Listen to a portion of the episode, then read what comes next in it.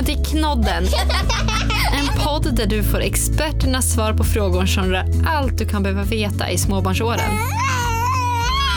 Podden skapas av föräldrapodden Norrlandspäron och Knodd. Vårdappen som är specialiserade på just det här med barnhälso och sjukvård. Och vi förstår att du som förälder vill lära dig mer om ditt barns hälsa och utveckling. Därför säger vi varsågod till ett fantastiskt avsnitt av Knodden. Hej Tina! Hej Anneli! Idag ska ju vi prata om något som rör precis alla föräldrar tror jag. Ja, Och sömn. det kanske ja. även Mm. dig. Mm. Förändrades ena sömn något när du blev mamma? Ja, det gjorde den. Eh, för vår dotter hon fick ju kolik också då samtidigt. Ja, så eh, det har min man ingen minne av alls faktiskt. Det har inte.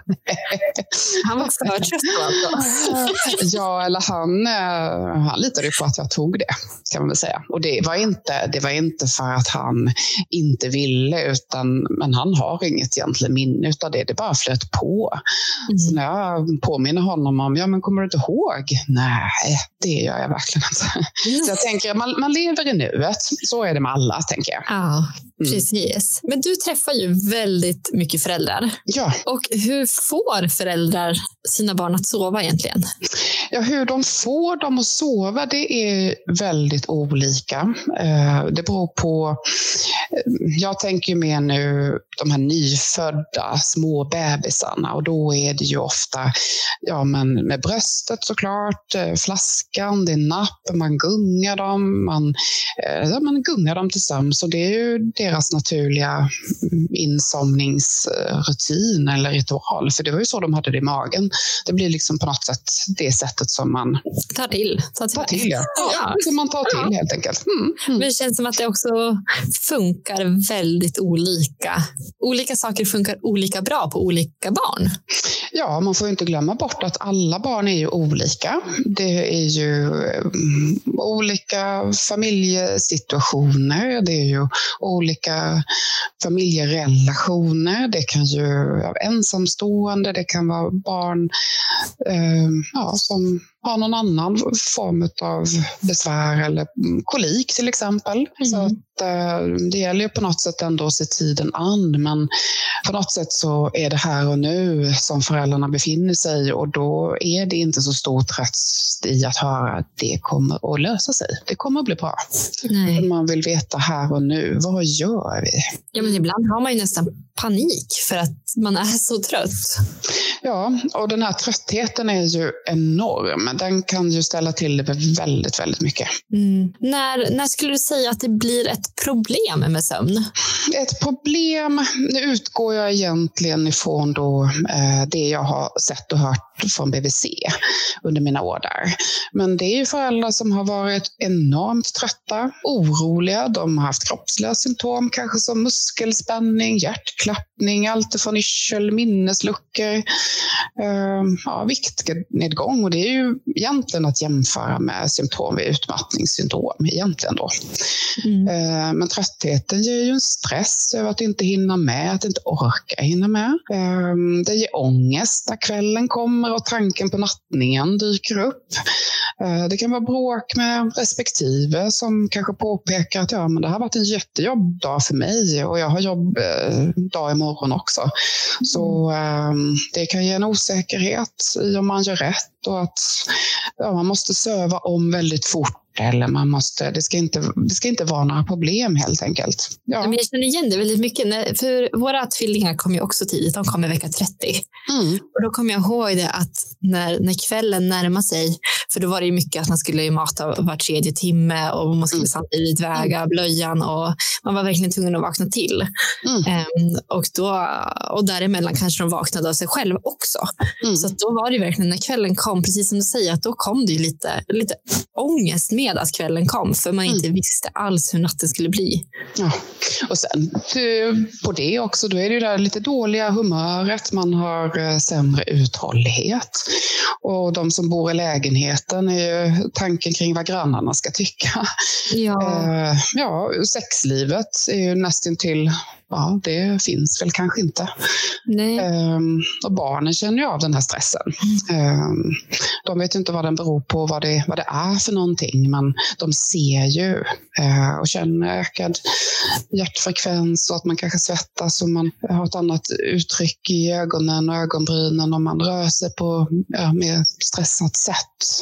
Så att det påverkar barnen också. Men det känns som att det kan bli ganska snabbt en ond spiral av det. Eh, men vad, vad skulle föräldrarna kunna göra i sådana här situationer?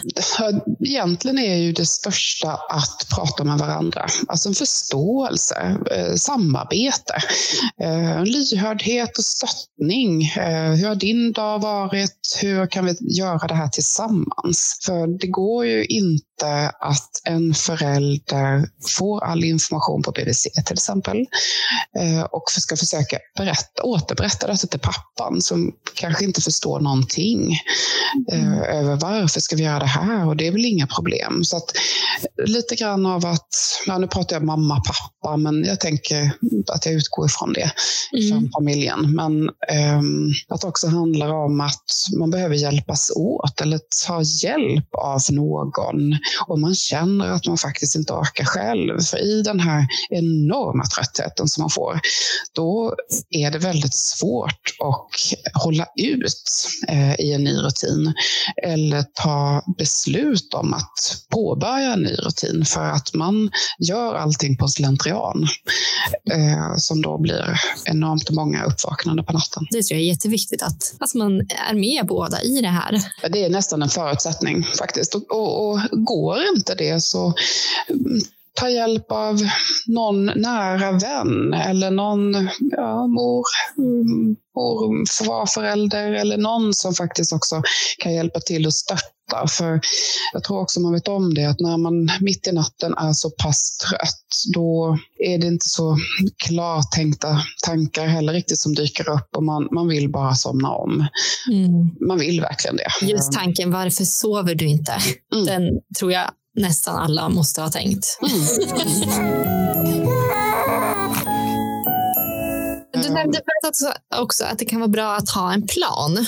Mm. Vad, vad, skulle en plan till exempel, hur kan en plan se ut? Ja, men med plan så tänker jag, um, det är egentligen två frågor. Hur vill man ha det och hur ska man ta sig dit? Uh, och Eh, alla vet ju, skrikande barn ger, ja, men det ger en ångest. Man behöver på något sätt eh, ta hand om barnet, man behöver bekräfta, man behöver ja, men lyfta upp och ta hand om.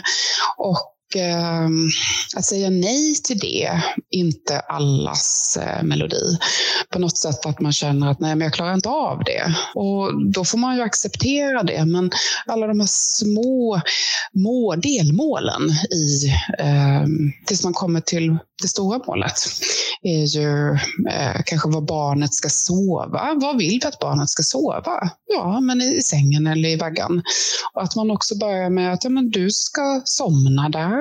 Eh, du ska också vakna upp där. För det man också ska tänka på det är ju om man jämför med en vuxen till exempel. Om, om man somnar på ett ställe och så vaknar du på ett annat ställe. Eller om du vaknar upp, ja men då händer det en massa saker runt omkring dig. Helt plötsligt ska du eh, äta eller du ska kanske ta en promenad ute. Eller mm, på något sätt så blir det, det blir också en orolig situation för barnet som vaknar, men föräldern tar ju till det den tror fungerar för att få barnet att somna om. Mm.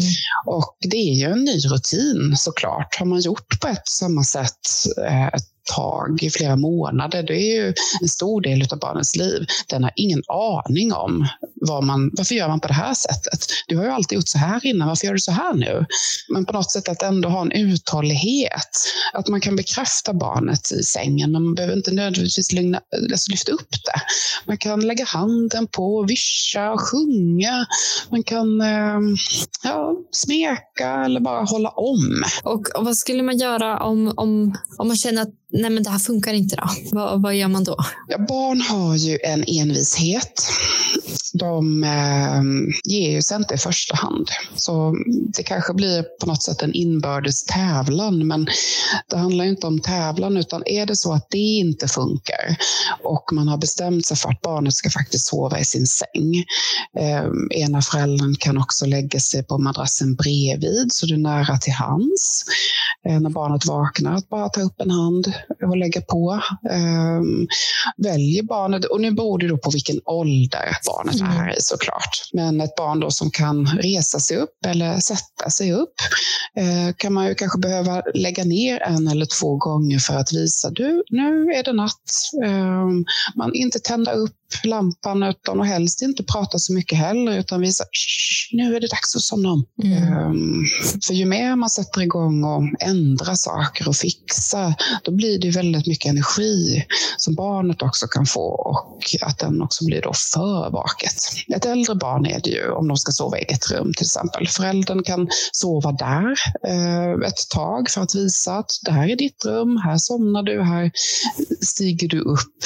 Men det är långt långt ifrån alla som sover en hel natt i sin säng eh, upp till ja, tre, fyra års ålder. Ofta blir det ju att de kommer gående och då orkar man ju inte gå tillbaka med dem. Nej. Även, även, om man, även om man skulle vilja så gör man inte det.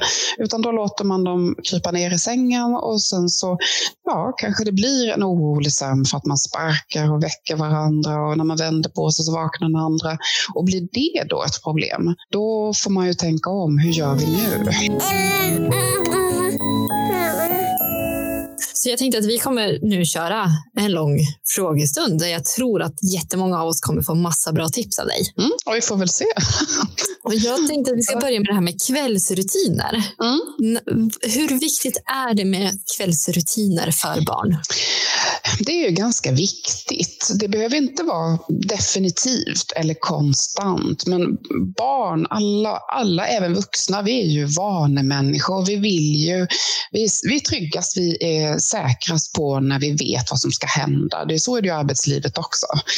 Mm. Um, och Ehm, ja, men saker som är förutsägbara är ju det på något sätt som ger enkelheten. Eh, för mycket bus, vild lek, det kommer hjälpa barnet att få en, en aktivitet snarare till att komma till ro. Ja, läsa, läsa tillsammans, försöka att varva ner, sjunga. Man kan bara ha en mysig stund. Sen självklart så alla mothugg. Det är tre, fyraåringar kan också i sin verbala förmåga använda du är dum eller dumma mamma eller dumma pappa.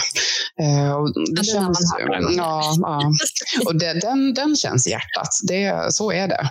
Men mm. att man ändå försöker vara bestämd, eh, men ändå lugn på rösten och inte då bestraffande. Att gör inte du det här, då kommer du... För det hjälper inte. Det blir snarare tvärtom. Precis. Jag har ju en fråga här som kopplar an till det du har pratat om lite grann. Mm, mm. Eh, och då är frågan så här. Jag har en två och, halv, två och ett halvt åring och är jättetrött från middag tills det är dags att sova. Mm. Då blir han pigg. Mm. Varför gör han så och tips för hur jag kan vända det? Ja, lite grann beror ju då på hur eh, lång dagssömnen är Eh, på förskolan, om man nu går på förskolan. Någonstans mellan två och ett halvt, tre så kan ju faktiskt barn klara av att inte sova någonting på dagen. Eh, eller det kanske räcker med en liten powernap på 20 minuter, en halvtimme. Men har barnet inte sovit alls så får de ju inte den här ja, återhämtningen. Så att mm. då blir det trött och oftast brukar det vara då på eftermiddagen. Det blir gnälligt, det blir kinkigt. Och hinner de då slumra till eller somna till ganska nära in på när det är tänkt att de ska somna, då kan mm. det bli jättejobbigt att få dem i säng. Ja, det är ju en jättesvår balans det där kan man ju tycka också. Att mm. hur, hur, tidigt kan jag egentligen lägga mitt barn för att de inte ska kliva upp jättetidigt heller? Nej, men en två, två och ett halvt åring kanske sover, kanske somnar någonstans vid sju tiden, någonstans mm. där plus minus. Men sover de då vid fyra, fem, om de råkar somna då, då är det jättesvårt att få dem i sömn vid den tiden. Mm. Så um, vid 11-12, när det egentligen vilar på dagtid, det är den egentligen som avgör. Um, så att um, efter en, en sovvila så brukar man ändå på något sätt säga men fyra, fem timmar efter, då orkar de hålla igång. En annan fråga som också kopplar an väldigt mycket till det här är ju varför kommer min två och ett halvt-åring aldrig till ro på kvällarna? Vi har testat allt. Läggningen tar idag cirka två och en halv timme. Det är ju jättelång tid. Mm. V vad gör man om man har ett såna, eh, alltså en sån lång läggning hela tiden? Jag hade haft dem framför mig så hade jag frågat när stiger barnet upp? Går man upp vid nio, ja men då, då är ju inte barnet kanske trött riktigt vid den tiden där man förväntar sig att de ska sova. Eh, och då kan man ju ta kanske en kvart i taget, att man går upp en kvart tidigare och man går och lägger sig en kvart tidigare. För det går inte att ta en timme i taget, det blir för stora hopp på dem. Ah, okay. Sen är det ju det här att de vet ju, de känner ju på sig att nu är det någonting som händer och hur ska de överleva det här? Alltså överleva, då tänker jag, de vet att föräldrarna sitter uppe. Vad händer när jag går och lägger mig? Varför ska jag gå och lägga mig och inte ni? Så um, många har ju tyvärr det där och sen att man bestämmer att nu ska vi läsa en bok. Ja, men då blir det en till. Och så blir det en till och så blir det en till och så ger man med sig. Men att man redan innan bestämmer, nu ska vi läsa en bok. Nu läser vi den här boken och sen är det nattis. Sen, um, det beror lite grann på vad som händer under dagtid också. Och även, och även mat kan jag säga. Alltså mat um, till kroppen kan ju också ge en energi. Det behöver inte alltid bli att de blir trötta om de äter väldigt sent. Att man tänker att måltiden innan sömn kanske behöver ligga en eller två timmar. Så att tarmarna hinner jobba lite så att de inte får en energi också av den här maten som fortgår. Precis. Finns det någon gång då man ska ge sig? Alltså, kan det vara bra att ta en paus i läggningen eller ska man hålla ut de här två och en halv timmarna? Ja, det är en bra fråga. Det är ju på något sätt eh, det är ju en ständig kamp. Och vad man än gör så har ju barnet bestämt sig. Och de vet ju att de kommer att vinna tills de på något sätt blir uttröttade. Så kanske att eh, gå in med barnet, om det är så pass stort barn. Gå in med barnet där den ska sova. Nu, nu, får du sova. Nu, nu ska vi försöka sova. En belöning kanske. Att om du klarar nu att sova hela natten så kanske du kan få det här imorgon. Som man då inte, det, och då ska man ju hålla det såklart. Och man ska ju då inte ge det om det inte funkar. Så att, mm. Men sen sitta kanske vid sängen. Att sitta med ryggen emot barnet vid, vid sängen. Att, ehm, och det är ju egentligen en, på något sätt en fem minuters metod fast för äldre barn. Att man sitter vid sängen, man är ganska tyst, man ger inte ögonkontakt. Man eh, börjar inte prata. Eh, barnet får busa och leka så mycket den vill då i sängen. Men varje gång som barnet går ur så går man tillbaka med barnet och lägger ner det igen. Eh, och så flyttar man en liten bit ifrån varje gång för att visa att jag kommer inte leka med dig, jag kommer inte busa med dig, jag kommer inte att tillmötesgå dig i dina påhitt. Så dels handlar det om när barnet stiger upp, hur mycket de sover på dagen. Um, sen, sen återhämtar de ju ofta sin sömn, kanske på helger eller när det är lite lugnare runt omkring dem. Men det är ju få barn som bara går och lägger sig och så sover de hela nätterna och föräldrarna sover hela nätterna. Det, det, det är skönt att höra, för man tror ja. nog att man ibland är ensam i världen med att ha barn som inte sover. Ja, nej, men så, ehm, så är det inte. Utan ehm, det finns ju studier på ehm, en amerikansk studie framför allt där man har kikat på hur mycket, hur mycket sover barnen och hur mycket behöver de, eh, ja, vad kan man förvänta sig? Och då är det 83, nu tar jag några siffror här, 83 procent av alla sex månaders gamla barn sover i genomsnitt fyra till fem timmar sammanhängande. Mm. Varannat barn i åldern sex månader till ett år eh, sover utan en sån sammanhängande sömn. Och var tionde barn sover aldrig en hel natt sammanhängande under sitt första levnadsår. Mm. Och en fjärdedel av alla tvååringar väcker sina föräldrar under natten två eller flera gånger varje natt. Det är skönt att höra ändå, känner jag.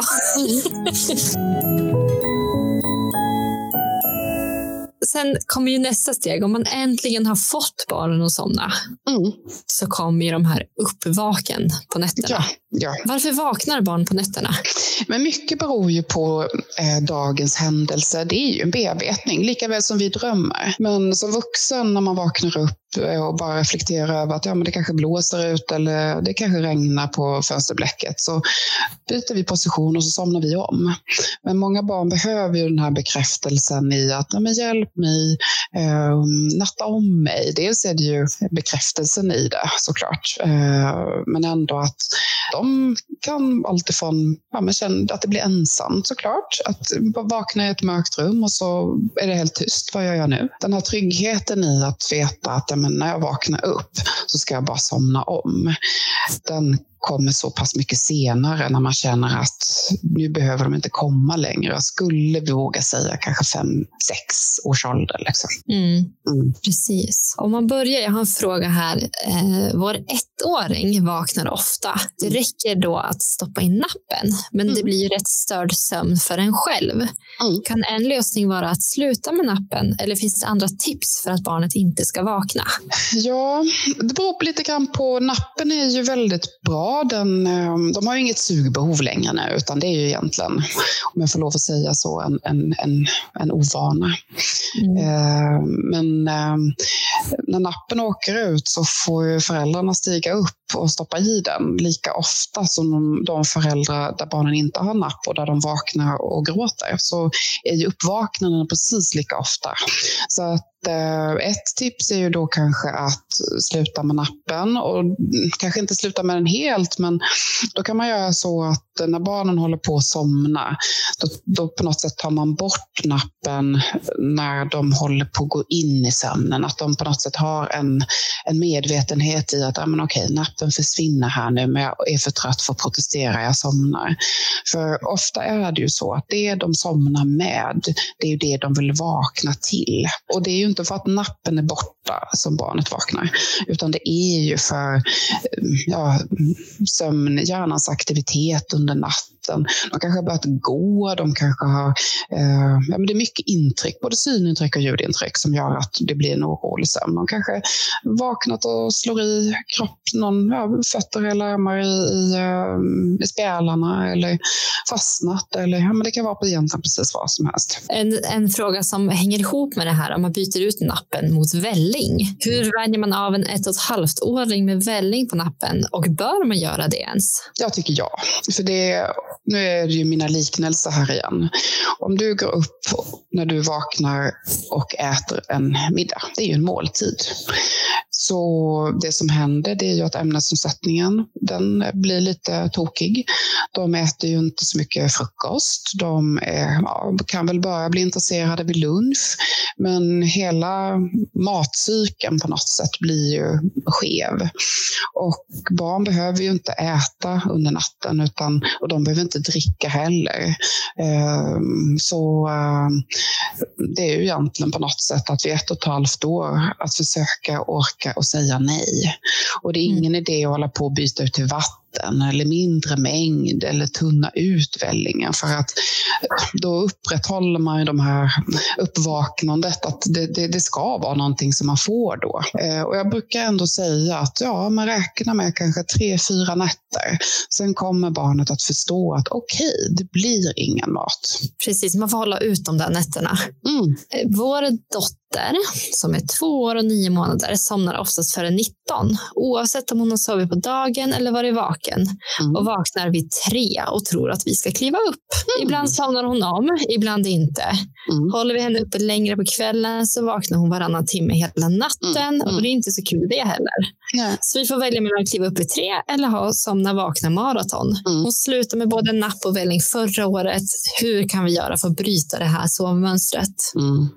Gud, det låter jättejobbigt. Ja, det är, det är väldigt jobbigt. Det kommer ju oavsett så kommer det ju en period när barnen vaknar så där vid femtiden eh, eh, och, och, vill komma upp. Men tre är ju lite, ja det är på gränsen. Frågan är ju då vad de gör när de, eh, när de bekräftar barnet och var barnet sover. För enklast är ju, det här låter ju hårt, men orkar man och vill man eh, så är det ju mer att inte ge uppmärksamhet, att inte bara prata utan att försöka att få att trötta ut dem helt enkelt. Precis. En annan sak som kan få barn att vakna, mm. det är ju nattskräck. Ja. Jag hade inte hört talas om nattskräck innan jag fick barn. Eh, men vi har våran Mattis, han är ju fem år nu, men mm. han har ju alltid alltid haft nattskräck, mm. eh, har jag förstått nu i efterhand. Alltså, kan, kan, du berätta, vad är nattskräck för någonting? Alltså nattskräck är, ehm, ja man kan säga att det är, det är också hjärnans aktivitet. Det är en, en dröm, um, en drömperiod på något sätt, där barnet vaknar men är inte medveten om vad uh, de gör. De, de tittar ut, alltså det, det, de är svårt att få, få kontakt kontakt med. Så mm. de ehm, skriker och försöker man hålla om dem då, liksom de kan slåss och en del kan ju vara nattvandrare också. Ehm, men ehm, eh, man tror att det är ärftligt i det där eh, Om man känner igen det som förälder. Men det man kan göra, ofta så kommer nattskräcken och uppvaknandet kommer ofta vid en och samma tid. Att man då kan ta och ställa klockan faktiskt en halvtimme innan och gå upp och röra på barnet eller inte så att de vaknar men ändå så att de går upp lite eh, och, och reflekterar över att det är någon där. För då bryter man den här nattskräcksperioden.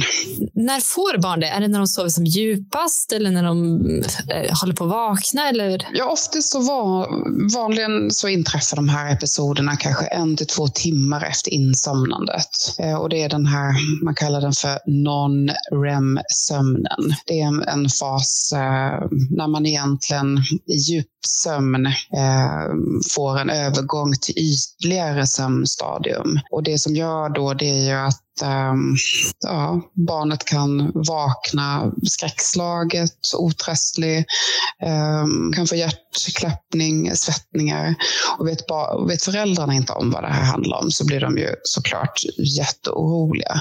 Men ehm, vanligtvis är det ja, upp till 20 minuter kanske. Så det viktigaste är ju att se till att barnet inte gör sig illa under den perioden. Och sen så kommer den här frågan som handlar om att få barnen att sova själv. Vi var inne och snuddade lite på den. Mm, man, mm. Ibland så önskar man ju att de gjorde det, men mm. de får ändå krypa ner i sängen eller om till och med. Eh, jag har ju eh, en dotter, hon är fem nu, Leia. Hon kan ju inte somna själv än. Det, vi får det inte att funka. Men vad skulle du säga, när, när är barn redo att sova själv? Hur vet man det? Ja, det är egentligen en svår fråga. Det är så otroligt Eh, individuellt. Det finns ju, um, alltså det finns ju många såna här sömngurus när man eh, bestämmer redan från början att nu ska du sova, nu ska du vara vaken, nu ska du äta så att på något sätt kroppen är invand i det här. Men eh, jag gillar ju inte riktigt de här metoderna då som man kallar det. Men om föräldrarna nu då vill att barnet ska sova i sin egen säng, i eget rum, så börja med att introducera rummet. Det här är ditt rum, att de kanske sover där på dagtid. Och Eh, det här kräver ju verkligen tålamod. Gå tillbaka med barnet är ju ofta det. Och att försöka få dem att eh, somna om, att de känner trygghet, att man kanske har en liten nattlampa. Om det blir ett problem, och det brukar jag säga det finns ju de familjerna som köper en jättestor säng och så köper de en stor madrass så att alla barnen kan ligga, hela familjen kan ligga i samma säng. Mm. Och det är ju ingenting som säger att det är fel, utan funkar det för, för den familjen så är det ju så. Eh, och det kommer ju en ålder, tonåren brukar jag säga, då vill de inte det här längre. Håll ut! När jag blev mamma så hade man ju en bild av att eh, ja, men de skulle sova i sina spjälsängar och allt skulle bli så bra. Och man hade ju gjort upp någon slags plan eh, som var lite mm. naiv kanske. Och sen så tror man också att det är så det ska vara. Och vi testade ju väldigt mycket tills vi insåg att varför gör vi det här ens? Mm, mm. Att det, vi, sover, vi samsover väldigt mycket med alla våra barn fortfarande för de vaknar och då sover vi. Vi får mest sömn helt enkelt genom att göra så. Och då känns det som att då kanske man inte, man behöver inte skämmas över det, utan det som funkar för din familj får vara det bästa helt enkelt. Ja, men så är det. Och det tror jag nog är mer lite grann av eh, Skandinavien. Neråt i eh, Europa är det ju mer att man har det är större familjer, man sover i samma rum. Ehm, så att det här med acceptans på något sätt, ja men tycker man att det är värt det, men då måste man nog vara konsekvent. För att säga en sak och visa en annan, det är ju att luras och barnet blir ju, ja, när gäller vad? Om det funkade igår, men varför funkar det inte idag till exempel? Så att eh, barnet barnet så pass gammalt så att man också kan försöka förklara att om du väcker mig, då blir jag jättetrött och då kommer inte jag orka leka med dig. Eller att om du väcker, det brukar oftast inte funka om man har små syskon, ja, då väcker du lilla syster. det skiter de ju fullständigt i. men, men om det är att uh, man försöker på något sätt att påpeka, förklara, uh, inte för avancerat, men ändå, ja, men om du sover i din säng, bejaka det och bekräfta det och eh, gör dem stolta över att du var bra att du sov i din säng hela natten. Mm. En metod som är väldigt omdiskuterad, det är ju den här fem minuters metoden. Mm, mm, mm. Vad, vad, tycker du om fem minuters metoden? Alltså nu ska jag vara ärlig och säga att jag använder mig av den. Jaha, ja. se där. det funkade för dig alltså? Eh, ja, det funkade faktiskt. Ja. Mm, det gjorde det. Men då, ehm, då kommer jag ihåg att det var en sommar och vi var eh, på en, eh, vi hyrde en stuga på Öland, långt ifrån samhället. Mm. Och ehm, ja, det var mycket skrik och tandagnisslan såklart, eh, både från min man och mig och skrik från dottern. Men eh, vi behövde på något sätt påminna varandra och övertyga om att nu har vi påbörjat det här och nu kan vi ju inte bryta det. För vad, vad, varför gjorde vi det då? Så att, mm. um, men det, det funkade. Sen är det ju så här att under egentligen första levnadsåret och andra också så finns ju väldigt mycket eh, sömn, olika sömncyklar. Att, att, um, eller utvecklingsfaser där barnet vaknar tätare och oftare beroende på att det händer någonting i utvecklingen i, i, i kunskapsbanken. Eh, att de helt plötsligt blir mer medvetna såklart. Så att bara för att man kör en fem minuters metod och den är ju tänkt då egentligen för fyra, fem månaders ålder. Eh, mm. Den funkar inte senare upp ålder. Så, så eh, innebär det inte att barnet inte vaknar upp. Men det betyder att man också visar att barnet ska somna i sitt säng och då inte somna till mat. Det är också viktigt. Att de får en medvetenhet i att men nu, nu är jag i min säng. Och det är ju där också de kommer vakna upp. Mm. Och försöka att få dem att, att ja, somna om där utan att nödvändigtvis plocka upp. Men om man inte tycker att det känns bekvämt, så plocka upp, trösta i famnen och lugna ner och lägg ner. Kontentan av det hela är ju att vissa metoder då, eller det sättet som man gör tar ju betydligt längre tid. Men målet är detsamma. Vi vill att barnet ska sova på natten. Men för den som inte har talat om femminutersmetoden, vad är det? Mm. Det är att eh, man bekräftar barnet var femte minut. Man eh, lägger ner barnet i eh, vaggan sängen eh, och försöker få dem lugna till en början. Eh, och sen så går man ut helt enkelt. Man lämnar rummet med dörren på glänt så att de ändå kan höra föräldern där ute. Eh, och även om de då skriker och ställer sig upp så går man tillbaka var femte minut. Och det mm, säger de att barnet på något sätt vet att okej, okay, du kommer tillbaka, du kommer tillbaka. I och med att de också vet att jag kommer somna ur sängen, du kommer komma tillbaka, så tar det kort kortare tid för barnet att somna och kunna sova, min mm. upplevelse, än att om det är så att man lyfter upp dem, går runt, vaggar eh, och hittar på andra lösningar för att få dem att komma till ro. För att barnet vet ju att det är det beteendet som kommer hända när de sen vaknar och det tar längre tid att vänja sig av det då. Och sen som just att inte börja med någonting nytt som ni inte har gjort tidigare. Då är vi tillbaka till en punkt som du faktiskt berörde lite i början. Mm. Och det är det här med, med sömn på dagen för barn. Mm. Hur länge, alltså i ålder, när bör man vänja barnet av med att sova? Alltså någonstans mellan två och ett halvt, tre år märker mm. man att faktiskt barnet orkar vara vaken hela dagen på förskolan då, eller eh, där man är på dagtid. Eh, och eh, de behöver nödvändigtvis inte sova bättre på det på natten, men de återhämtar det på helgerna när det är lite lugnare tempo, när man sitter i bilen, då, då slumrar de till. Men under dagtid då så är det så mycket aktiviteter, det är så kul, man vill inte avbryta leken, man blir inte lika trött efter lunchen. Alltså, så att någonstans där. Men Unni, vår yngsta, hon är ju två år, ja, hon blir två och ett halvt jättesnart. Mm. Men hon, hemma så sover hon inte på dagen. Hon är inte Nej. alls intresserad av det. Nej. Men däremot så gör hon det fortfarande på förskolan. Mm. Är, är, det ett okej upplägg också? Ja, det är det. Det är lugnare hemma. det är inte höga ljudnivåer. Det är inte den här aktiviteten som det är på förskolan. Och det är ju väldigt uttröttande om man tänker den ljudvolymen åtta timmar om dagen eh, om man hade den arbetsplatsen. Ja, det är förskolefrökarna då såklart. Men jag tänker att det ger, man blir ju trött. Och sen är det ju den här gruppdynamiken som finns på förskolan. Att ja, men nu vilar mina kompisar och då vill jag göra detsamma. Det är grupptryck lite. Mm. Men du sa förut också att ibland så kan det till och med räcka att bara låta dem få en en powernap, alltså 20-30 minuter. Mm, mm, mm. Och sen försöka väcka dem då. Ja. För då går man inte ner i djupsömn. Nämligen.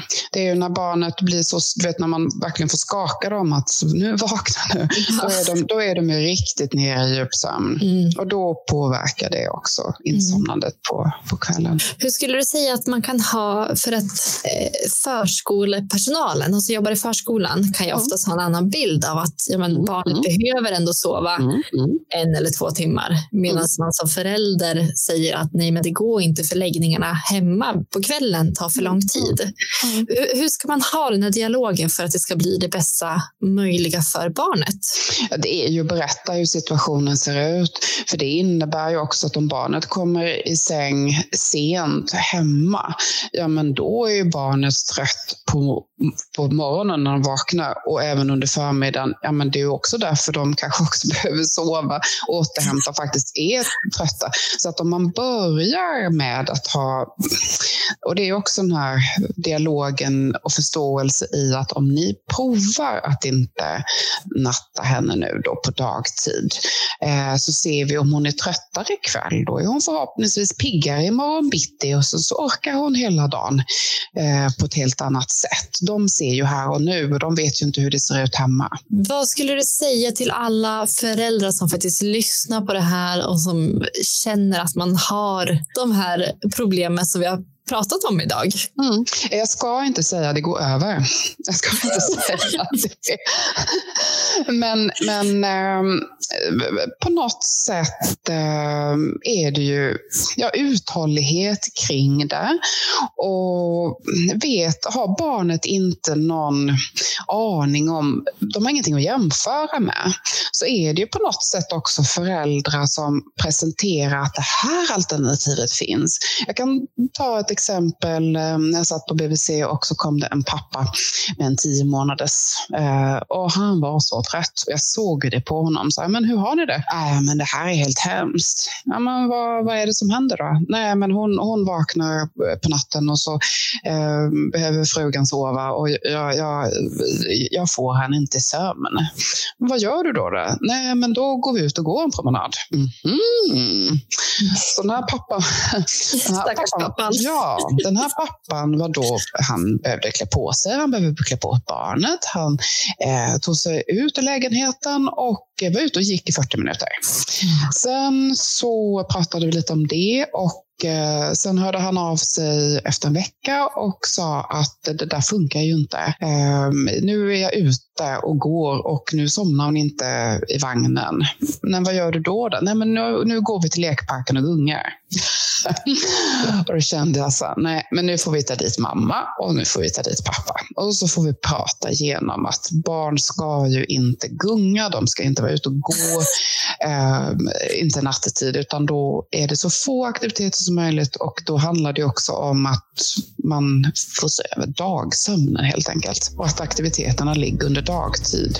Så aktiviteter på dagtid, all mat på dagtid, inte på natten. Det, mm, visst, de somnar om, men eh, det ställer till så mycket annat. Verkligen. Tack snälla Tina för att du var med i podden och har svarat på alla de här frågorna kring sömn. Ja, men tack för att jag fick vara med. Jag hoppas ju verkligen att de som också har lyssnat får eh, någon form av tips som känner passar dem.